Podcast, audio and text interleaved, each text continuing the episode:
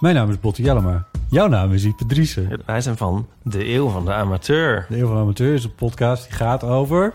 Alles. Het is een eh, podcast over levenskwesties die je niet kunt googlen. Een soort licht neurotische blik op het leven. Het is een podcast met humor. Jezus. Kijk, een grapje. Die, die vragen durft te stellen en die je ook onbeantwoord durft te laten. Mooi. met een regenboogvlagje. Dat, dat noem je queerbot. Dat uh, regenboogvlagje, dat klinkt echt als een soort... Eh, ik bedoel, iedereen is welkom. Kom ons luisteren Zo in je favoriete podcast-app. Deze podcast is 100% expertisevrij en alleen geschikt voor amusementsdoeleinden. De inhoud mag dus niet worden beschouwd als financieel advies. Dit is Jong Beleggen, de podcast. Ik ben Milou. En ik ben Pim. In deze aflevering hebben we het over het belang van goed portefeuillemanagement. En dat is nogal een complexe aangelegenheid. Ja, vooral heel veel maatwerk eigenlijk. Daardoor wordt er ook weinig over geschreven. En wij gaan het eigenlijk hebben over positiegrootte. Ja, en het, eh, het downward risico wat erbij komt. Don't lose money. Rule number one. Ja, en er is goed nieuws voor Belgische beleggersvrienden in de PDT-update. En ik heb nog een tip voor op Twitter. Oh ja, dat is toch dat bedrijf van Elon Musk? Ja. Laten we beginnen.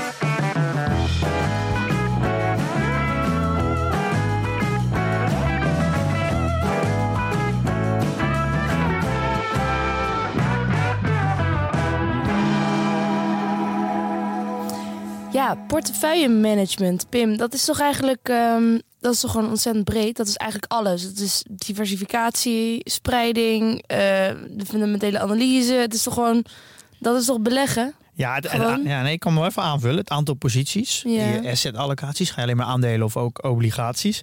En natuurlijk eh, inderdaad fundamentele analyse die je al aangeeft. Financiële buffer, of je dat wel eh, goed managt voor jezelf. Ja, dat klopt. Het is heel breed. Eh, En we hebben het hier toch altijd al over? Of? ja, eigenlijk zijn er natuurlijk heel veel dingen komen allemaal samen een beetje onder portefeuillemanagement. Alleen waar ik het heel specifiek over wil hebben, en dat komt ook een beetje uit ervaring nu, is de positiegrootte. En dan vooral hoe kijk je ernaar met verschillende type aandelen. En hier kan ik ook wel wat voorbeelden geven uit, eh, uit ervaring en de dingen die ik fout heb gedaan. Ja. Eh, we zitten natuurlijk nu in een Want periode. in positiegrootte, jij houdt toch gewoon die regel aan van 5% per bedrijf. Dat is toch gewoon, je hebt die fundamentele analyse gedaan. Je denkt, dit is een belangrijk bedrijf, ik wil daarin zitten. Nou, doe ik 5%. Dat is toch, dat is toch verder een soort Ja, van dat, dat was wel een beetje mijn, eh, mijn keuze. En ik, misschien kom ik daar toch wel een beetje van terug. Dat ik dat toch misschien anders moet gaan managen. Eh, en dat komt er eigenlijk nu ja, dat. Ik zal het zo met een, goed, met een goed voorbeeld komen. Maar een positie in een snel groeiend aandeel dat geen winst maakt. eh, of een aandeel dat nou, al heel erg in een uitgekristalliseerde markt zit. Bijvoorbeeld een Unilever of een Ahold. Dat, dat het eigenlijk niet even groot zou moeten zijn. Als je bekijkt vanuit Hmm. het perspectief risico. En het, eh, vooral de, de risico naar beneden. Oké. Oké, dus dat is een les die je hebt geleerd. Ja, en dat is dat komt, specifiek voor deze tijd? Nu het Ja. even wat minder gaat met de tegenaandelen? ja, zeker. Dat is zeker van deze tijd. Ik merk zelf dat ik gewoon heel veel leer als het slecht gaat. En ja, dat is eigenlijk natuurlijk heel logisch. En als het goed gaat, dan denk je, dan, ja, dan komen eigenlijk al je fouten natuurlijk niet naar boven. En we, ja, Mhm. ik denk dat in de afgelopen tijd nou, hebben we veel lessen kunnen delen de afgelopen twee jaar. Ja, en dit is weer een periode waar, waar de markt gewoon heel erg verandert. Eh, we zitten natuurlijk eh, met de oorlog in eh, op eh, ja, Europees grondgebied. Met het verhogen van de rente. Ja. hoge inflatie. Ja, dat Ja. zijn best wel unieke tijden. Ja, en daar reageert in ieder geval mijn portefeuille heel erg op. Ja. En dat zijn wel momenten dat je toch weer even gaat eh, bij jezelf te raden gaat. Van ja, misschien heb ik toch wat gaatjes in mijn portfolio. Misschien Ja. moet ik dingen toch in de toekomst wat anders doen. Want ja, ik, ik kijk best wel tegen flinke verliezen aan. Ja, dat... eh, Oké, dus Eh. dit, dit onderwerp dat, dat komt niet zomaar nu even uit de lucht vallen. Nee, en ik denk dat dit ook een beetje inherent aan leren is. Dat je, je kan niet in één keer goed beleggen. Je, dat heb, moet je gewoon een paar jaar denk ik zeker voor uittrekken om, eh, om meer omstand, ja, marktomstandigheden te zien. En ook kijken hoe je daarop reageert en waar je je comfortabel bij voelt. Eh, Ja. En ja, ik ja, daal ongeveer even hard als de Nasdaq. En dat is natuurlijk eh, vooral tech. Dus dat Oh. geeft wel aan dat ik daar ook misschien ook even naar moet kijken. Ja. Ehm, Oké, dus je wil het vandaag eh, over dus portefeuille management hebben en dan over specifiek de positiegrootte en wat jij daar allemaal over hebt geleerd. Ik had ik helemaal in het begin aangegeven dat, eh, begin van het jaar, dat ik wat meer moet gaan focussen op risico's. En op de psychologie van beleggen. En Ja. dit is dan echt wel een, eh, een stukje risicomanagement eigenlijk. Oké. Eh, en hoe kan je risico's beter inschatten en hoe kan je dat beter managen in je portfolio? Eh, om iets breder te trekken, ik merk eigenlijk dat er heel weinig wordt geschreven over portefeuillemanagement. Dus dan heb ik het over YouTube, over podcasts, over blogs en zelfs boeken. Het gaat eigenlijk vooral over een soort van asset pricing. Dus eigenlijk meer over het fundamentele analyse van een bedrijf en de waarderingen van het bedrijf. Daar gaan, gaat bijna alles over. Mhm. Maar het gaat eigenlijk nooit over hoe richt je nou een goede portefeuille in. En ik kan me dat eigenlijk ook wel goed voorstellen, omdat het namelijk heel complex is. Het is heel specifiek per persoon. En de combinatie van jouw aandelen bij elkaar maakt het eigenlijk maatwerk. Waarom is het zo complex dan? Want op zich klinkt het logisch als je zegt, ja, alles 5%. Ja. Nou ja, dat is dus misschien een te simpele benadering. Ehm, Want wat zijn allemaal complicerende factoren dan? Nou ja, je wil eh, rekening houden met de bewegelijkheid van je portefeuille. Dat wordt ook aangegeven in beta. Dus hoe, eh, hoe erg hoe bewegelijk is je portefeuille? Nou, we hebben een eh, aflevering gemaakt over factorbeleggen. Ja. Nou, daar is momentum was geen value, maar volatiliteit is ook een onderdeel van, een, is ook een factor. Mhm. Dus daar moet je eigenlijk ook naar kijken als je je portefeuille eh, bij elkaar ja, een soort van geheel creëert. Nee, welke best logisch. Ja, welke zeker. aandelen zijn nou heel bewegelijk en welke niet? Als je het over risico hebt, een bewegelijk aandeel gaat vaak gepaard met meer risico. Ja. En daar, je zegt dus van daarmee zou je dan eigenlijk op, op moeten letten hoe groot die positie is in je portfolio van dat bedrijf. Dat misschien wel veel bewegelijker is dan een andere bedrijf. Ja, dat is een van de onderdelen. Oké. Eh, daar komen we straks nog even op de andere onderdelen. Maar je hebt natuurlijk de, ook gewoon de simpele relatie tussen aandelen. Is dat bijvoorbeeld een, een bedrijf wat, wat heel veel doet met plastic. Dat maakt plastic dingen. Die is, plastic, dat maak je met olie. Dus als de olieprijs heel hard omhoog gaat, dan wordt het duurder om dat te produceren. Dus dan zal dat aandeel het waarschijnlijk ook slechter doen. Dan is het natuurlijk Ja. heel handig om daar tegenover in je portefeuille ook een aandeel te hebben die profiteert van de olieprijs. Oh, ja. Zo heb je dus eigenlijk twee aandelen die tegenover reageren als er extremen zijn in de markt. En dat wil je dan liever een beetje even groot hebben ongeveer. Ja, dat moet je dan weer. Dat moet je. en Kijk, en al die eh, ja, verbanden eigenlijk tussen je portefeuille, die moet je eigenlijk heel goed managen. Dus eh, als er dus extremen zijn, bijvoorbeeld de olieprijs gaat hard omhoog, dan weet je, eh, dan richt, ja, dicht je eigenlijk dat risico af. Dus en een heb soort 3D-puzzel met 3000 stukjes. Ja, dat is dus het heel, zijn. dat maakt het dus ook heel complex. Dan heb je natuurlijk ook nog je valuta-stukje. wordt dat goed afgedekt in de bedrijven. Ja. Dus eigenlijk is een portfolio een soort van puzzel. En daarnaast heb je ook heel veel discipline nodig. Dat je eh, ja, goede regels voor jezelf maakt over hoe groot is nou een holding. En ik heb voor mezelf een regel, ik mag nooit groter dan 10% zijn. En dat is het ook nog nooit gebeurd. De grootste is eh, 8% geweest. Maar dit is voor mij echt wel een realisatie. Daar ga ik ook echt Ja. daar ga ik ook gewoon nooit overheen. Dat is gewoon, wordt voor mij gewoon het risico te groot, omdat er altijd dingen zijn die ik niet weet. Ook al denk je het nog steeds 100% zeker te weten, we- ja, weet je het nooit 100% zeker. Mhm. Dus dat is ook een beetje een soort van portefeuille-discipline die je er ook echt wel in moet doen. Dus ook al zijn de tijden alleen maar goed, eh, moet je je toch ook een beetje beschermen voor de tijden dat het wat minder gaat. Eh, of dat je ernaast zit. Oké, en wat zijn dan, als je dus die positiegrootte gaat bepalen, heb je dan een soort van lijstje dat je kan nalopen van dit is, ja, die, dit heeft invloed op je positiegrootte of het zou het moeten hebben? Nou, daar, daar ben ik natuurlijk wel mee bezig geweest. Van waar moet ik dan op letten als ik een positiegrootte bepaal? En ik heb er ook veel over gelezen. Er zijn best wel veel fondsmanagers die daar ook wel mooie quotes over hebben. Maar het komt er eigenlijk allemaal op neer dat je de positiegrootte heel erg moet bepalen aan de hand van het risico naar beneden. Dus de, Mhm. de, de downside risk is eigenlijk be- heel erg bepalend van de grootte van je positie. Oké, dus dat, dat bedoel je mee hoeveel het aandeel kan zakken en hoeveel geld je dus kan verliezen? Ja, je wil eigenlijk gewoon een soort van een extreem groot permanent verlies wil je gewoon ten alle tijden voorkomen. Ja. Eh dus dat is eigenlijk heel Lijkt logisch wel, natuurlijk. ja. Don't lose money. eh, Ja. Rule number one. Oh ja, want je had ook één zo'n quote doorgestuurd van James Dinan, een Amerikaanse hedge fund manager. Ja, klopt. Eh, die, die zegt: Make your position size more a function of not how much you can make, but really how much you can lose. So, en nou komt hij: Manage your position based on your downward loss perspective, not your upward potential. Ja. Dus niet van hoeveel het kan stijgen. Daar moet je niet van, op basis daarvan maak je niet die grootte in je portefeuille, maar op basis van hoeveel je ook zou kunnen verliezen. ja. En dat is, ja, het klinkt natuurlijk heel logisch, maar dat is toch niet heel natuurlijk.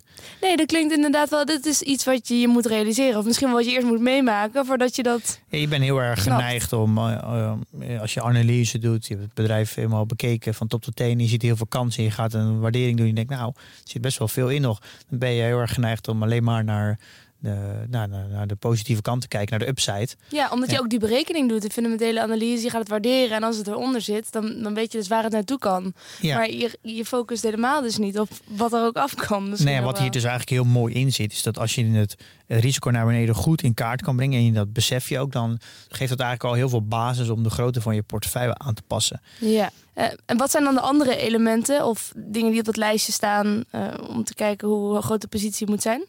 Ehm, nou, eh, waar ik een beetje op uitkom is dat de volatiliteit en de, en de beta, dat is eigenlijk een hele belangrijke. Dat geeft aan hoe erg de, de aandeel beweegt ten opzichte van de markt. Dus de markt is 1. Als de beta eh 1,3 is, dan beweegt het eigenlijk ja, 33% meer dan de markt. Maar als het eronder is, bijvoorbeeld 0,5, dan beweegt het de helft zo erg. Dus als de markt 10% naar beneden gaat en de, de beta is 0,5, dan betekent dat dat aandeel maar 5% zakt. Mhm. Dus dat geeft eigenlijk aan in de verhouding met de markt hoeveel het beweegt.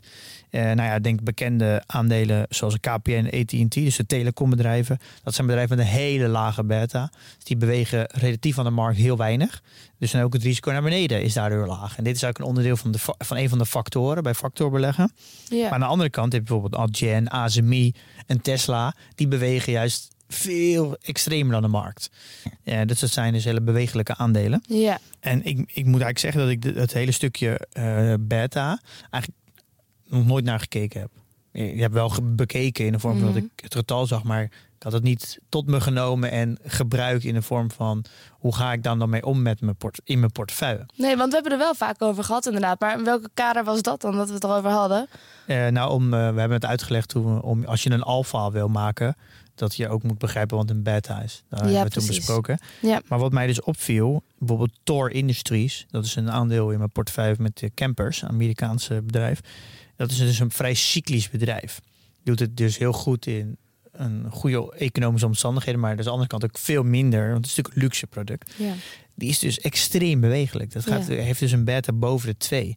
Ja. Daar ben ik dus eigenlijk wel van geschrokken dat het eigenlijk dubbel zoveel beweegt als de markt. Ja. En dat was nog eens een gemiddelde over de afgelopen vijf jaar. Ja. ja, dat is eigenlijk wel goed om te weten. ja. Als het dus niet goed gaat, dat het aandeel dan ook eh, ja, dubbel zo hard beweegt. En dat moet je dus meenemen in het bepalen van je positiegrootte. Ja, dat moet ik eigenlijk wel meenemen. Oké. Eh, En verder? ik denk ook een, eh, en dit is misschien wel de les eigenlijk, de winst. Of eigenlijk het gebrek daaraan. Just die ja. takeaway. Ja, bijvoorbeeld. Nou ja, cm.com is in Nederland ook een mooi voorbeeld. En ik heb het al een aantal keer herhaald. En ik denk dat, dat je dat ook in deze tijd pas echt goed leert. Is dat als je een bedrijf geen winst maakt. En het soort van het sentiment keert, wat nu een beetje gaande is. Ja, dan heeft het eigenlijk ook geen bodem. In principe als een bedrijf geen winst maakt over een lange periode. Dan heeft het eigenlijk geen bestaansrecht. Ja, je kan natuurlijk altijd nog onderdelen soort van verkopen. En het is altijd toch wel voor een habbekrats wordt het van de beurs gehaald door een partij. Maar ja, dat is, een beetje restwaarde. Dus je dacht eigenlijk, dan is het downward risk is gewoon heel groot. Ja, dat kan gewoon 90% zijn. Ja. ja makkelijk. Dat Ja. zou zomaar kunnen. En dan, je leunt dan toch echt heel erg op, het, op het, de outlook van het management. En het vertrouwen daarin. Eh, maar elk, ja, elke keer dat dat wordt langer wordt uitgesteld. Of zit verder in de toekomst. Of zit een kink in de kabel. Of er zijn omstandigheden die dat misschien tegenspreken.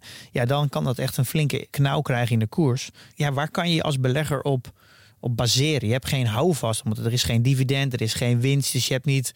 Je kan het ook bijna nergens tegen afzetten. Want Nee. ja, als het uiteindelijk nooit winst maakt, heeft, ja, dan kan het aandeel eh, ja, gewoon prima 90% dalen. Oké. En dat is wel iets wat ik ook wel eh, geleerd heb nu. Is dat een, een aandeel dat gewoon geen winst maakt. Ja, dat, dat, dat heeft gewoon geen houvast. Dus dat kan echt alle kanten op schieten. Dat kan dus hard omhoog, maar het kan dus ook hard naar beneden. Ja. Dus als je daar blind gaat waarderen op wat er mogelijk zou kunnen zijn op de outlook van, van een eh, management, dan kan je al heel snel denken: wauw, er zit echt heel veel upside in. Ja. Maar er is ook aan de andere kant er zit ook heel veel downside in. En hier kom ik straks ook met een voorbeeld. Want dit zijn wel aandelen waar je ja, in theorie wel echt een, eh, een, ja, gewoon een definitief verlies kan krijgen. Eh, ik zeg niet dat dat voor CM of Just Eat gaan is, maar dat is wel, dat, dat is wel mogelijk. En daardoor daar moet je eigenlijk wel rekening mee houden met het, eh, met het, met het bepalen van het positiegrootte. ja, oké, dus dat is een belangrijke. En er was er nog een laatste, hè? Ja, ik denk ook toch wel de, een stabiel track record. En dan ja, vooral bedrijven die gewoon al twintig jaar structureel, structureel winst maken, structureel omzet. En dan misschien elk jaar een klein beetje groeien. Maar in principe kan je die trendlijn gewoon zien. Eh, ik denk dat dat zijn ook aandelen die dividend uitkeren, die jaarlijks een dividend gelijk houden of misschien ietsje verhogen. Ja. Ja, die hebben gewoon een bewezen trackwerker. Die zit in een markt dat is uitgekristalliseerd. De, de markt is verdeeld. Ja. Eh, marktaandeel verschuift eigenlijk niet meer. Eh, ja, je komt dan een beetje bij die dividend aristocrats uit. Het zijn allemaal bedrijven die, nou, we kennen ze allemaal wel natuurlijk, de, de grote jongens. Ja, dat zijn toch ook wel bedrijven die, ja, waar, je, waar je rekening mee kan houden met je positiegrootte. Want Maar dat- dit, ja, maar dit is uiteindelijk ook waarschijnlijk een veel minder volatiel bedrijf. Dus uiteindelijk hangen deze die, drie dingen die jij zegt, volatiliteit en beta, de winst of een gebrek daaraan en dus het stabiele track record, dat hangt ook allemaal heel erg met elkaar samen. Ja, nee, dat, dat, dat, heb je, dat zie je heel goed. Want uiteindelijk is het allemaal terug te zien. Inderdaad, het klopt. Zeker. Allemaal terug te zien in de beta. Ja. Dat klopt. Want eh, geen stabiel track record zorgt voor meer bewegelijkheid, Ja. waardoor een hoger bed. En geen winst gaat ook bewegelijkheid hoger bed. Dus Ja. dat klopt zeker. En Tor is een cyclisch bedrijf. Dus dat is niet een hele mooie steady lijn. Want er zitten periodes in 2008, 2009, financiële crisis. Gaat daar de omzet naar beneden. Want luxe product, mensen kopen geen camper meer. Dus niet die stabiele track record, inderdaad. Zorgt voor een hogere beta. Dus in principe is beta wel een, is alle uitwerking daarvan. Ja. Dus het is zeker, om, eh, zeker eh, goed om daar rekening mee te houden. Oké. Ehm, Veel voorbeelden nu dus al gehoord. Zullen we wat, dieper op een paar ingaan? ja, ik denk, het, ik, ik heb er eentje uitgeschreven. Die geeft eigenlijk heel, die geeft het gewoon heel mooi weer wat het, eh, wat het risico naar beneden en omhoog is. Ik denk, even in als voorbeeld pak ik dan even Nederlandse bedrijven. Maar ik, bijvoorbeeld, ik heb even gekeken naar Unilever en Ahold. Nou, in Unilever en Ahold hebben in de afgelopen vijf jaar, dan heel specifiek Ahold, is maar 19% naar beneden gegaan. Dat is de grootste drawdown. En dat is dan in de corona crash geweest. Maar 19%. Ja. Unilever is van all-time high eh 30% gezakt. Maar dat is wel in een periode van 2,5 jaar geweest. Dus langzaam naar beneden. En daar zit wel ongeveer 10% dividend in. Dus dat zou je ook kunnen zeggen. Dat is on- ongeveer 20%. Eh als Unilever wel een beetje een eh, specifiek geval. Als ik had Nestlé of Coca-Cola had gepakt, dan had het wel nou, veel minder geweest. Mhm. Ehm, maar het gaat er even om dat in zulke soort aandelen is gewoon het risico naar beneden vrij laag. Dus je kan zeggen dat dat risico misschien eh, max 20% is. Dan kijk ik even naar Ahold. Ik heb dat, daar een positie in gehad. Heb gekocht op 23 euro. Gemiddeld, gemiddelde aankoopprijs. Over, ik heb in meerdere stappen dat opgebouwd toen de tijd. Mijn berekende fair value was 30 euro. Dus kan je zeggen, nou, de, de upside is ongeveer 7 euro. Dus Is- dat is hoeveel procent? ja, dat is ongeveer 30 Ja. En dan ga ik uit, dan zie ik op mijn fair value. En op mijn fair value heb je natuurlijk wel die 10% jaarlijks rendement die als je op de fair value blijft. Maar ik ga het, gaat nu even over een korte periode. Dus Mhm. even simpel gezegd, de upside is 30% Dan moet, dat moeten we even meenemen. Dus als we een positiegrootte van Ahold pakken en we doen dat 2% en we hebben een upside van 30 ongeveer maximaal, want Ahold zal misschien nog een klein beetje over de fair value heen gaan, maar ook niet heel veel meer. Dan heeft het een effect op mijn totale portefeuille van 0,6% Als je gelijk hebt. Als ik gelijk heb, natuurlijk dat, dat naar mijn fair value brengt. 0,6 procent. Ja. Ja, heeft niet heel veel effect op het geheel. Nee. Maar, want het aandeel gaat geen 100% omhoog. Dat nee. zit er bij Ahold niet in. Nee. Dus het is heel veel moeite voor heel weinig. Maar stel dat mijn positiegrootte 7% is, in het gunstige scenario, het komt uit, dus 30% stijging, dan heb ik een rendement van 2,1% op mijn totale portefeuille. Dus effect op mijn totale portefeuille. Oh, ja. Ehm, die moet je eigenlijk even onthouden. Dat is op zich 2,1, dat is wel aardig. Eh, Nou, is meer dan 0,6. Ja. eh, maar dat is ook wel, als je gemiddeld 7% doet, 7, 8% per jaar, dan is, Ja. dit gewoon, dan is dat gewoon heel netjes voor een positie. Oké, dus wat eh, moet ik onthouden? 2,1 procent. Ja. En dan gaan we even weer even Nederlandse voorbeeld, Just Eat en CM. Ja. Ehm, Dat zijn de wat minder stabiele ja, bedrijven. het zijn beide bedrijven die nog geen winst maken. Winst Ja. ligt in de toekomst. Eh, al heeft het management van beide bedrijven aangegeven dat het wel dat er een positieve outlook is naar winstgevendheid.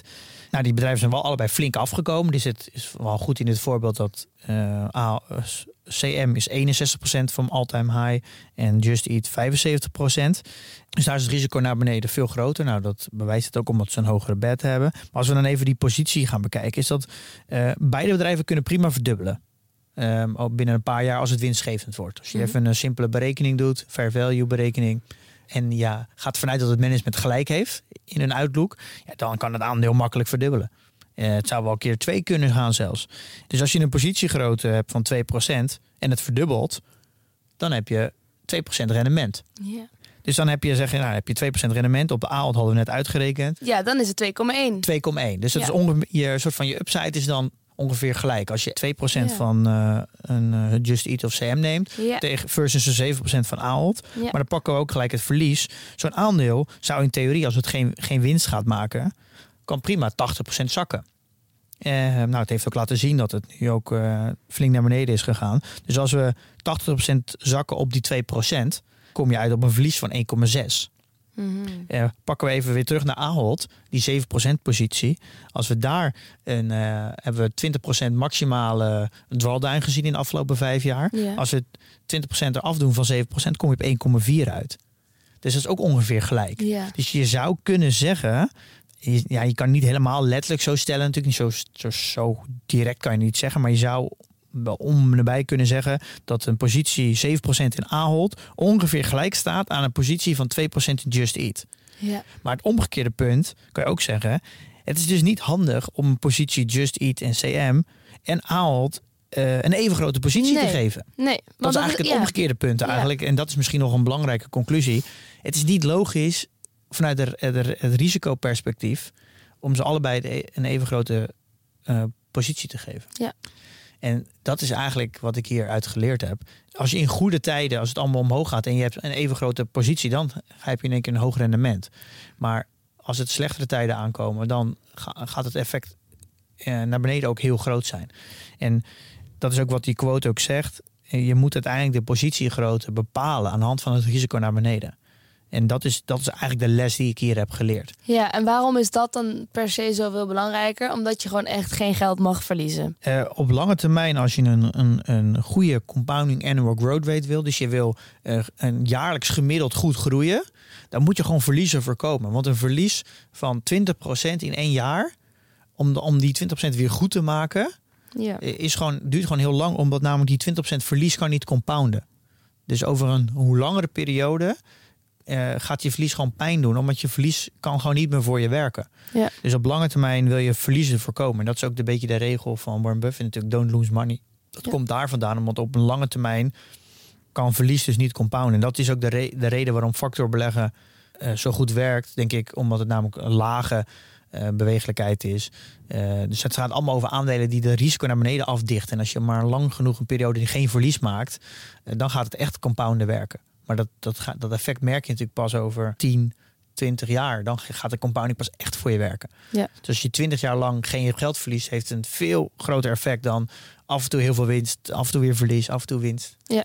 Ehm, maar het compounding zie je pas echt goed werken over ja, 10, 20 jaar. En daar komt natuurlijk al die, daar is, dat is het idee achter al die, eh, die theorieën eigenlijk. Ja, en het idee achter beleggen, waarom het lucratief is natuurlijk. ja. Ik las nog één zin van jou waar wat ik vraagtekens bij had. Want je schrijft, ehm, als het risico naar beneden bijvoorbeeld 100% is, ook al is de kans nog heel klein, moet het altijd een relatief kleine positie zijn. Dan zit ik even te denken, want we hebben het hier volgens mij over twee kansen. We hebben het over de kans dat het, nou, het risico naar beneden 100%. En dan zeg je daarachter, ook al is de kans nog heel klein. Over welke kans heb je het dan? Want 100% klinkt als groot. Nee, maar je hebt een, een, een aandeel kan 100% kwijtraken. Dus eigenlijk gewoon basically gewoon alles kwijtraken. En daar de kans op dat het gebeurt Ja. kan klein zijn of groot of Ja. niet aanwezig zijn. En hoe bereken je dat? Of hoe, Ja, hoe dat- maar schat dat- je dat in? Dat zijn die elementen waar je dan ja, dat, kijkt. dat is natuurlijk een combinatie van heel veel factoren. van de en daar is volatiliteit. natuurlijk nooit, en ja, de- dan zal je, als je het aan tien mensen vraagt, kan je, krijg je tien verschillende antwoorden. Ja. Ehm, maar het is wel belangrijk dat je daar. Precies, want het kan een kleine kans zijn dat het 100% zakt, maar het kan ook een grote kans zijn dat het 100% zakt. Dus de kans dat het gebeurt is wel degelijk ook nog weer van invloed op die positiegrootte. Ja, Ook al is het een hele kleine kans, moet je echt wel een kleinere positie alsnog inhouden, aanhouden. dat is het hele idee van het risico naar beneden. Ja. Want bijvoorbeeld bij een Ahold, dat, dat, dat, ja, dat Ahold gaat nooit feit, ja, het zegt nooit nooit, maar eh, dat Ahold 50% zakt, dat is echt, ja, dat gaat, dat gaat gewoon denk ik niet gebeuren. Dat, Nee. Die kans is zo klein. In ieder geval, als, als Ahold 50% zakt, dan is de kans heel groot dat er heel veel andere bedrijven ook met 5% meegaan. En dat het een, een heel specifiek eh, bedrijfs situatie is. Ik denk dat dat, eh, het zou het ook altijd kunnen. Daarom spreid je überhaupt. Maar dat is bij Aalt gewoon relatief klein. En ik denk dat als je dat vergelijkt met, uh, met TCM of een Algen of een, uh, noem het een Bezi of een ASML of een ASMI, dat daar een 50% daling is, is aanzienlijk groter. Ja, en daar sluit ook die andere quote op aan van die uh, fondsmanager, denk ik dat wel weer zal zijn. Ken Schubinstein. Hij zegt: We will make something a large position if we think there is an extremely low chance of losing money on a permanent basis. Even if we think it might be a four times return, if the idea could be a zero, it will be a small position. Ja, dat is eigenlijk ja, ja exact. Het, ja. En het is, je kan het ook zo zien dat als het toch de potentie heeft om keer vier te gaan, dan kan het net zo goed een kleine positie zijn. Want als het toch uitkomt zoals je verwacht dat het, dat het uitkomt. Dus dat gaat keer drie of keer vier. Ja. Dan wordt het vanzelf een, een serieuze positie, om, omdat het gewoon hard groeit. Dus dan, dan groeit het automatisch in een, een ja, serieuze positiegrootte. Uh, maar dan doet het omdat het bedrijf goed performt. Ja. We hebben, we hebben al eerder een aflevering gemaakt waar we het hebben gehad over de grootte van een positie, de bepaling daarvan en de invloed daarvan. Uh, en daar hebben we uh, Joel Greenblatt uh, even besproken. En ik heb even een voorbeeld eruit gehaald. Hij geeft aan dat, een, dat het kopen van een huis een van de grootste investeringen is voor, voor de meeste mensen. Mm -hmm. maar dat iedereen het eigenlijk heel makkelijk doet, omdat de risico naar beneden gewoon relatief klein is. Ja. Dat je geld gaat verliezen op een huis op een hele lange periode, gewoon 10, 20 jaar, is gewoon aanzienlijk klein. Daarom durven mensen heel erg makkelijk gewoon een paar ton, zeg drie tot vijf ton uit te geven aan een woning. Uh, omdat het risico naar beneden over een lange periode gewoon heel klein is. Want het risico naar beneden is dan gewoon de waardevermindering die je Ja. huis kan hebben. Dus Ja. het is maximaal ja, 20. Nou ja, ja, dus dat is 30. over een lange periode. En dat is dus, dat geeft hij heel erg aan. Dus het gaat dus eigenlijk helemaal niet om eh, of iets. Een, je kan prima een, een hele grote positie zijn. Dus relatief gezien aan de vermogen van alle particulieren is een huis natuurlijk heel groot. Ja. Maar dat is helemaal niet erg, omdat het risico naar beneden gewoon heel laag is. Dus de, hij geeft als een heel mooi voorbeeld aan dat de positiegrootte dus eh, iets kan heel groot zijn. Dat maakt helemaal niet uit als het risico naar beneden heel laag is. Ja. En daar moet je dus mee rekening houden. Oké. Nou, dat lijkt me toch waardevolle inzichten. Ja, die je hebt en, eh, opgedaan en dit is eigenlijk ontstaan dat ik gewoon eh, Just Eat is oorspronkelijk 5% van mijn portefeuille in de, in de kostbasis geweest. Ja, Eh, ja, dat heb ik gewoon nooit goed gedaan. Heb, dat was te veel achter. Ja, oh, dat heb ik gewoon te veel. En dat is wat ik, als het ik nooit had gezakt, had ik dit waarschijnlijk deze les niet geleerd. Eh, Ja. Dus eh, ja, als je dan toch eh, verliest op een aandeel, leren ondertussen dan ook wat van. ja.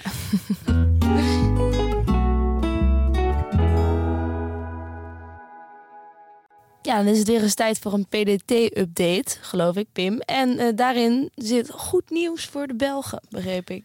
Ehm, ja, in België is het iets anders dan in Nederland. En daar heb je de transactiebelasting. Ja, dat kennen wij niet in Nederland. Maar daar moet je dus een belasting betalen voor elke transactie die je doet. Op de beurs. Ja, Hm. dus wij kennen natuurlijk alleen transactiekosten. Ja. Ehm, en mogelijk als je in een andere valuta handelt ook eh, wisselkosten. Ja. Eh, En die kennen de Belgen waarschijnlijk ook. Ja, maar die daar transactiekosten. bovenop Ja. zit nog een transactiebelasting. Ja, eerst ondersteunen dat niet. Wel met de handmatige invoer, maar niet met eh, de import. Als in ondersteunen, dat wil je eigenlijk ook bijhouden Ja, als ja, dat is een heel groot, dat is een substantieel kostenpost voor de Ja. Belgen. Ja. Als je heel veel kosten maakt, moet je natuurlijk ook aftrekken van het rendement. ja. Hoeveel, Dus hoeveel moet ik eh, aan denken aan zo'n belasting? Oeh, dat is een goede vraag. Is dat een percentage of een vast bedrag? Weet je dat? Oeh, ik denk dat het een percentage is. Maar dit durf ik niet 100% Hmm, zekerheid te ja. zeggen. Maar in ieder geval, het eruit. het punt is, we hebben dat nu geoptimaliseerd eh, en compatible gemaakt voor eh, het belastingssysteem daar. Dus je kan nu, als je de Giro-acties importeert, nemen we ook de, eh, de transactiebelasting mee. Ja. En verwerk het ook op een aandeelniveau. Dus het wordt ook meegenomen in je rendement. Dus we trekken natuurlijk de kosten eraf om wel een zuiver rendement te kunnen berekenen per aandeel. Ehm, en we laten ook nog eens de kosten zien op de tab eh, kosten. Dus naast eh, de valutakosten, brokerkosten en transactiekosten nu ook de transactiebelasting. Hm. Ja. Dus voor Belgen zijn we weer een stukje beter geworden. Een goede buur is ook beter dan een verre vriend. Dus ik vind het eh, buitengewoon verstandig. Ja, maar we hebben best wel een groot gedeelte eh, Belgische luisteraars. Ja. Daar ben ik heel blij mee. Nou, ik ook. Tot zover de PDT-update. Dan eh, zie ik hier in mijn draaiboek AEX All Tradable. Wat wil je? Is dit, is dit nieuws of hoe moet ik het zien? Nou, dit is niet zozeer nieuws, maar dit, ik heb dit ontdekt en ik ben helemaal over verbaasd dat ik dit niet eerder wist. Oké. Ehm, ik, ben, ik kwam dit tegen en dit, dit, dit- ik, ik, ik wist dit niet, dus ik denk, nou, misschien weten heel veel mensen dit niet. Maar mensen kennen wel Euronext, uitgever van de AEX. Nou, ook de, de, de midcap en de small cap index. Dus dat zijn de, de 25 eh, middenbedrijven en kleine bedrijven. Ja. Het zijn drie, ja, zeg even drie index. Ja. En die hebben allemaal ook een, een eh, GR, dus een gross return, dus het dividend herbelegd. Dus dan krijg je een zuiver beeld van de prestaties van een index. Maar nu hebben ze dus ook een ja, all tradable uitgebracht in 2013. En dat is eigenlijk een zijn alle Nederlandse beursgenoteerde aande- aandelen bij elkaar in één index. Dus dat zijn 75 bedrijven in één index. Dus in plaats van dat je dus Oh. drie index hebt Dus met mid, small en ja, large? bij elkaar. Ehm, En daar heb je dus ook weer een variant van met gross return. ja. Dus daar kan je eigenlijk zien, als je wil weten hoe het soort van Nederland afgaat, en bijvoorbeeld in het afgelopen jaar of afgelopen vijf jaar, kan je eigenlijk beter naar deze index kijken. Want dit vertegenwoordigt veel, dit vertegenwoordigt 75 bedrijven, Nederlandse bedrijven, de performance daarvan. Ja. Dus dat is wel een, eh, ja, het is een andere manier om te kijken naar hoe eh, alle Nederlandse beurs, beursgenoteerde bedrijven het doen. En? Ehm, je zou gelijk ook zeggen, waarom kopen we die niet in plaats van de AEX? Want het is beter gespreid, meer aandelen. Want 25 is Ja. toch een beetje beperkt. Ehm goeie vraag. Ja, Eh, antwoord dus? Ja, ik heb het niet, eh, dat weet ik niet 100% zeker. Maar ik denk dat het komt omdat het gewoon de beperkte liquiditeit is. Eh, er zijn gewoon heel veel small cap bedrijven die zijn zo klein. Ja, die zijn maar tientallen miljoenen waard. Daar is de volume, de dagelijkse volume zo laag. Dat Mhm. als daar een ETF op komt, die kan zulke soort aandelen echt heen en weer Oh. duwen. Want E- ETF is er niet hierop. Nee, die is, die is niet eh, uitgebracht. En ik denk, hij is wel gemaakt door Euronext, maar er is geen enkele uitgever die het uitgeeft. En ik denk dat een, eh, bijvoorbeeld een Van Eck, eh, die baseert natuurlijk een ETF op een, op een partij die, die, die maakt niet zelf al die, al die de onderliggende waardes, maar die geeft alleen die ETF uit en die benchmarkt dat op een of die gebruikte eigenlijk een onderliggende partij zoals een Euronext, waar ze die ETF op baseren. Eh, maar ik denk dat ze dat niet kunnen doen, omdat namelijk de, gewoon de volume bij heel veel Nederlandse aandelen, vooral de small caps, gewoon veel te laag zijn, zijn voor een ETF. Eh, en dan ben je veel te veel de koers aan het te manipuleren. Hm. Jeetje, wat weet ik eigenlijk weinig over ETF's. Als ik jou zo hoor praten, dan klinkt het als een soort blockchain-technologie met uitgevers en samenstellen Misschien moeten we eens een, meer eens een ETF-aflevering maken. Nou, eh, gewoon, Ja, maar ik zou er wel in willen duiken van wat, hoe wordt het nou gemaakt? Wie bepaalt dat? Ja, dat lijkt me best wel interessant eigenlijk. ja, misschien moeten we dat eens doen. Want ik probeer het wel eens uit te leggen en dan krijg ik altijd weer zo'n hele slimme vraag van eh, mijn gesprekspartners en dan weet ik het niet. Dan moet je al die slimme vragen bewaren en dan gaan we daar een antwoord op zoeken. Dat zal ik doen. Nou, eh, ik krijg wel meer mee. vragen op. Kunnen Ja. doen. Eh, maar dit is wel leuk om, om. Je kan hem ook gewoon op Google Finance. Als je een aandeel zoekt en je wil bijvoorbeeld even snelle vergelijking, maar kan je deze namelijk deze ook vinden. En er staat een linkje op de website naar ook naar de, de Google Finance gelijk toe, maar het heet AEX All Tradable GR. En dan krijg je dus een Hmm. met herbelegd dividend. Eh, en dan kan je een beetje zien hoe de alle Nederlandse beursgenoteerde bij, bij elkaar het doen. Maar gewoon als je daarin geïnteresseerd bent, want verder heb je er niks aan, toch? Of wel? Nee, als je jezelf wil benchmarken daartegen of zo, of gewoon om te kijken hoe, eh, hoe die doet. Oké.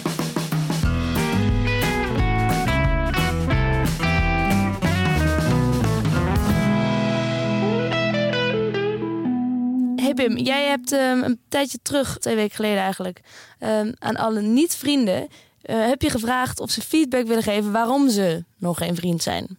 Ja. Wat was eigenlijk de motivatie erachter? Nou, ik ben gewoon benieuwd. Ja. Er is eh, denk ik ongeveer 9 van de 10 mensen zijn niet vriend. Van onze luisteraars. Ja. Dus ik was gewoon heel benieuwd waar komt dat dan door. En ja. niet zozeer dat ik wil dat iedereen nou zo nodig vriend van de show moet worden, maar gewoon even in, gewoon, nieuwsgierig. gewoon nieuwsgierig waar komt het interesse. vandaan. Gewoon En het is ook helemaal prima als heel veel mensen gewoon blijven luisteren en Ja. geen vriend zijn, vind ik helemaal prima. En daar heb je top 5 van gemaakt. Ja, ik kreeg ook heel veel reacties daarna van oh Mhm. leuk dat je het vraagt, kan je het ook delen? Dus ik denk nou ga ik het gewoon delen. Oh, ja? Dus Ja. Ze, ze vinden het fijn dat er ook een keer interesse in hen wordt Nou getoond. ja, ik denk ook wel misschien een beetje een roep van eh, ik geef mijn feedback en misschien kan je er wat mee doen. Ja, oké. Nou ja, en je hebt eh, dat gedaan. Eh, en daarom bij deze dan even een terugkoppeling. Er is een top 5 redenen waarom mensen geen vriend van de show zijn Ja, of. PDT nemen. Of van. PDT dus nemen eigenlijk. Op nummer 5 staat, ik weet eigenlijk niet waarom. Ja, kan. Eh 4. als niet de Giro-klant dien ik mijn brokeracties handmatig in te voeren. Ja, dat lijkt me ook wel een ja, gedoe, dat is, eh, Dat is niet gebruiksvriendelijk. nee, de- we moeten uiteindelijk wel alle brokers om. Dat gaan we ook wel doen. Dat, dat zit erin, hè? Dat en dat zijn vooral oude beleggers. Dus Ja. die al vijf à tien jaar beleggen, die geven dat vooral als feedback. Dat klopt. Ja, dat Ja. is even werken en dat snap ik. Oké. Op drie staat, ik mis een mobiele app. Komt er een mobiele app? Die gaat uiteindelijk zeker komen, maar voorlopig want het staat nog niet op de planning. Het is eh, eh, gewoon heel veel werk. Ja. Eh, Eerst moet alles goed zitten. ja, dus dat gaat, maar gaat uiteindelijk wel, staat uiteindelijk wel op. Ja. Het staat niet op de planning, maar het gaat uiteindelijk wel komen. Precies. Ehm, op twee staat, het is mij niet duidelijk wat ik precies krijg voor die 5 euro per maand. Pim, wat krijgen mensen precies ja, voor dat is 5 wel echt euro een per maand? probleem. Hè, dat ik het gewoon niet goed verkoop. Ja, ik ga nu geen, eh, geen verkooppraatje houden. We gaan, ik, ik ben gelijk aan de slag gegaan. Ik ga gewoon een nieuwe website opzetten waar ik het veel beter ga vertellen. Dus Ja, dankjewel voor deze feedback. Ik ga eraan werken.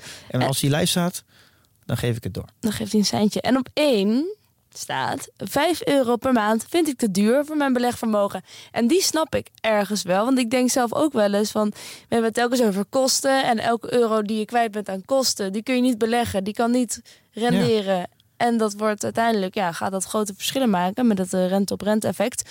Dus die begrijp ik wel.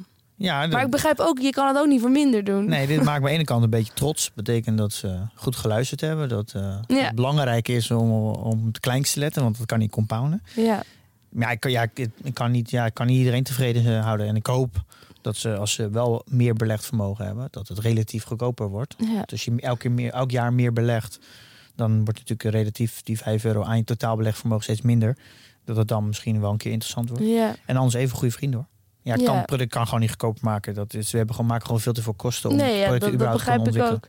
Maar Dus, kun je, zou je kunnen of durven stellen dat het ehm, die investering, dat het een, dat uiteindelijk wel een meerwaarde heeft? Omdat je meer inzicht krijgt en meer leert als je het kan zien allemaal, wat, wat er gebeurt in je portfolio? Ja, dat, dat ligt een beetje aan de per persoon. Ik vind zelf van wel natuurlijk, anders Ja. maak ik het niet. Nee. Eh, maar ja, het ligt ook een beetje hoe je belegt. Als je maar heel specifiek in ITS belegt en je dan misschien niet, of je bent heel goed in Excel, dan ook niet. Eh, ja, ik denk dat het heel veel toegevoegde waarde heeft. Er zijn eh, ondertussen eh, duizenden mensen die er gebruik van maken. Dus er is blijkbaar een hele grote groep die er, Ja, Die er gebruik van maken. We ja. hebben een, een churn lager dan 3%. Churn is... De mensen die jaarlijks opzeggen. Dus dat is extreem, hoog, extreem laag juist. Dus heel Ja. goed. Dus dat, dat geeft voor mij allemaal signalen dat, dat het product dus heel sticky is. Dat mensen dus heel blij zijn met dit product. Ja. Dus ja, eh, maar dat is al, je Oh. kan niet iedereen tevreden houden. Oké, en je hebt ook nog gevraagd wanneer het wel interessant zou worden voor mensen om het te nemen. Dat is bijvoorbeeld een extra functionaliteit, namelijk aandelen waarderen. Ja, dat begrijp ik. Want dat is, met een Excel ben je constant aan het stoeien. Dat doe ik natuurlijk zelf ook. Ik deel heel vaak Excelletjes in de show Mhm. notes. Ja, dat zou natuurlijk heel mooi zijn als dat uiteindelijk in het product Als komt. dat er ook in kan. Het staat wel op de... Dat je gewoon even eentje erin zet en dan. eh, het staat wel op de planning. Oh. Ik zeg niet, ik weet nog niet wanneer, maar het staat er wel, eh, wel op. Ook, ook nog een paar andere ideeën van functionaliteiten is eh, portfolio kunnen vergelijken met een index. Nou, dat is in de Die ontwikkeling. is in ontwikkeling. Eh, een watchlist bij kunnen houden in het. Ja, gaat dit jaar zeker komen. Nou, ook in ontwikkeling. nee, Ehm, niet in ontwikkeling. En ja, iemand zegt natuurlijk dus, oh, niet ontwikkeling, maar het staat op de planning. Ja, het, het is, ja. Het is, Het is zit- nog niet in ontwikkeling. ja, daar zit een verschil tussen, ja. In ontwikkeling is het de developer is het aan het bouwen. En als het en anders is, zijn de, of zijn wij er conceptueel mee bezig met Ja. designers en zo. En nou ja, iemand zegt natuurlijk, als ik mijn brokeracties niet meer manueel hoef in te voeren. En dan ook nog uitgebreide financiële data van bedrijven. Kan dat überhaupt? Dat kan. Eh, gaat ook komen. Dat is eigenlijk een combinatie met waarderen. Ik kan nog niet zeggen wanneer het komt. Hm. we zijn nu in overleg met allemaal dataproviders. Om te kijken of we een beetje kwaliteit data kunnen krijgen. Ja. Eh, dus dat is een, eh, zijn we al een tijd mee bezig. Maar ik merk dat heel veel databronnen gewoon niet kwalitatief niet goed genoeg zijn. En ik wil gewoon het alleen doen als het echt heel goed is. En dat het ook heel betrouwbaar is. Ja. Ik ben er wel mee bezig. Ik denk dat dit nog wel een tijd gaat duren. Maar ja, dit gaat, ik wil dit er gewoon uiteindelijk in hebben. Dus dit gaat er uiteindelijk wel in komen. Aanmerkkwaliteit in plaats van Euroshopper. Ja, je moet, erop, het. je moet erop kunnen vertrouwen. Anders Ja. moet je niet doen. En het is ook nog vrij duur. Dus dat kunnen we eigenlijk nu ook nog niet betalen. Maar het gaat uiteindelijk wel komen. Ja, wat portfolio betreft, eh, ik heb een transactie gedaan. Ik ben de All World eh, ETF een beetje aan het bijkopen. Dus dat heb ik eh, deze maand ook net weer gedaan. Oh, wat goed. Ja, jij? Ik heb niks gedaan. Oh, nou, dan gaan we weer door. Je hebt nog een tip. Ja, en dit keer een Twitter-account. Om een beetje in, in de Twitter-sfeer te blijven. Omdat eh, Elon Musk de nieuwe eigenaar is. Nou, vind ik heel mooi nieuws. Ja, Laat ik dat voorop stellen. eh, dus eh, Ik voel me helemaal veilig. een nieuwe eigenaar van Twitter. Die gaat, eh, daardoor gaat Twitter natuurlijk ook van de beurs. Eh, een bod is geaccepteerd. Ehm, maar als je toch de hele tijd op Twitter zit en je bent vaak aan het doomscrollen. Volg dan even de 10k diver op Twitter. Wacht even hoor, want jij zegt dus doom scrollen. Dat, is- Maar ik, ik dacht, dat is een typfout van jou. Ik dacht doorscrollen, dat jij aan het doorscrollen bent. Wat is doom scrollen? Doomscrollen is dat je oneindig zit te scrollen naar beneden. eh, en dan elke keer weer een nieuwe refresh krijgt van content. Dat zie je op, i- op Instagram, TikTok, Facebook. Dat je Oneindig. en dat noemt dan doomscrollen. Dat De jij gewoon, downward risk is zeg maar enorm. ja, dat je gewoon constant nieuwe Ja. prikkels krijgt. En dat je eigenlijk maar gewoon scrollen bent. Maar als je dan in één keer vraagt, wat heb je nou eigenlijk gekeken? Dan weet je eigenlijk niet eens meer wat je gezien Nee, en dan is wel een uur voorbij. Ja. Ja, dus doomscrollen. Als je dat toch heel vaak doet, doe- volg dan 10k Diver op Twitter. Het is een eh, jonge man die doet investing concepts via Twitter draadjes. Een tweet is natuurlijk niet heel lang, volgens mij, eh, wat is het, eh, 280 tekens tegenwoordig. Mhm. Eh, dus het, het zijn best wel eh, veel eh, tweets achter elkaar. Maar dan gaat hij eigenlijk door ja, hele interessante, ja, hoe hij het dan zelf noemt, investing concepts. En ik heb er een aantal uitgepikt, maar hij heeft er heel veel geschreven. Hij heeft bijvoorbeeld legt hij het verschil uit tussen earnings en cashflows. Eh, hoe doe je een eh, DCF-analyse? Hoe doe je een reverse DCF-analyse? Discounted cashflow. Hij legt de return ratio uit. Bijvoorbeeld eh, wat het verschil tussen return on equity, return on assets, de return on invested capital. Nou, ga zo maar door. Mhm. Hij geeft gewoon elk, in, elke, in een thread ligt hij iets heel specifieks uit. Ja, maar wel echt heel in-depth met plaatjes. En ja, het is wel serieus. eh, ja, het gaat heel diep. Het- ja, ik vind het echt heel interessant. 10k Dus het- diver. ja. Dus waar zou die naam vandaan komen? Kun je even de exegese doen? Ja, nou, de, de 10K, dat is van eh, de. Dat hoor je heel vaak. eh, op, eh, dat lees je ook heel vaak als een bedrijf vaak naar de beurs gaat. De 10K report. En dat is eigenlijk het rapport wat wordt ingediend bij de, de SEC. Dat is de. Ja, de Security and Exchange Commission uit Amerika. En daar wordt eigenlijk, ja, het is een extreem lang document, maar daar wordt alles omschreven als het gaat om de financiële activiteiten van het bedrijf, eh, de risico's, de wettelijke beschrijvingen, bedrijfsovereenkomsten, marktprestaties. Nou, echt, het gaat heel diep. Het is eigenlijk voor een gewoon mens eigenlijk niet te lezen. Mm. Dus het is ook helemaal niet fijn te consumeren. Dan kan je beter de jaarrekening pakken. Maar daar komt het eigenlijk vandaan. Ja. Dat is eigenlijk als je echt alles van een bedrijf wil weten, de, de hoed in de rand, dan moet je de 10K lezen. Maar dat is eigenlijk eh, geen pretje. Nee, De- daar komt, daar Klinkt komt, daar komt Ja. de naam vandaan. oké. Nou, dan eh, zit deze aflevering er alweer op. Yes? Volgende week is een oude bekende terug. En daar kijk ik met heel veel plezier naar uit. Paul Wicht. Ja, het is even geleden hè. Ja, Maar hij is niet meer in rusten. Nee, hij is niet meer in rusten. Ik zag wel op Instagram dat hij nu ergens op een, op een berg zit. Hij zit op een bergtop in Zwitserland. Hij Ja. is volgens mij een soort van semi aan het langlaufen nu. Semi-langlopen. Naar een berg toe. Onze sportman. Ja. En we gaan het hebben over high frequency trading.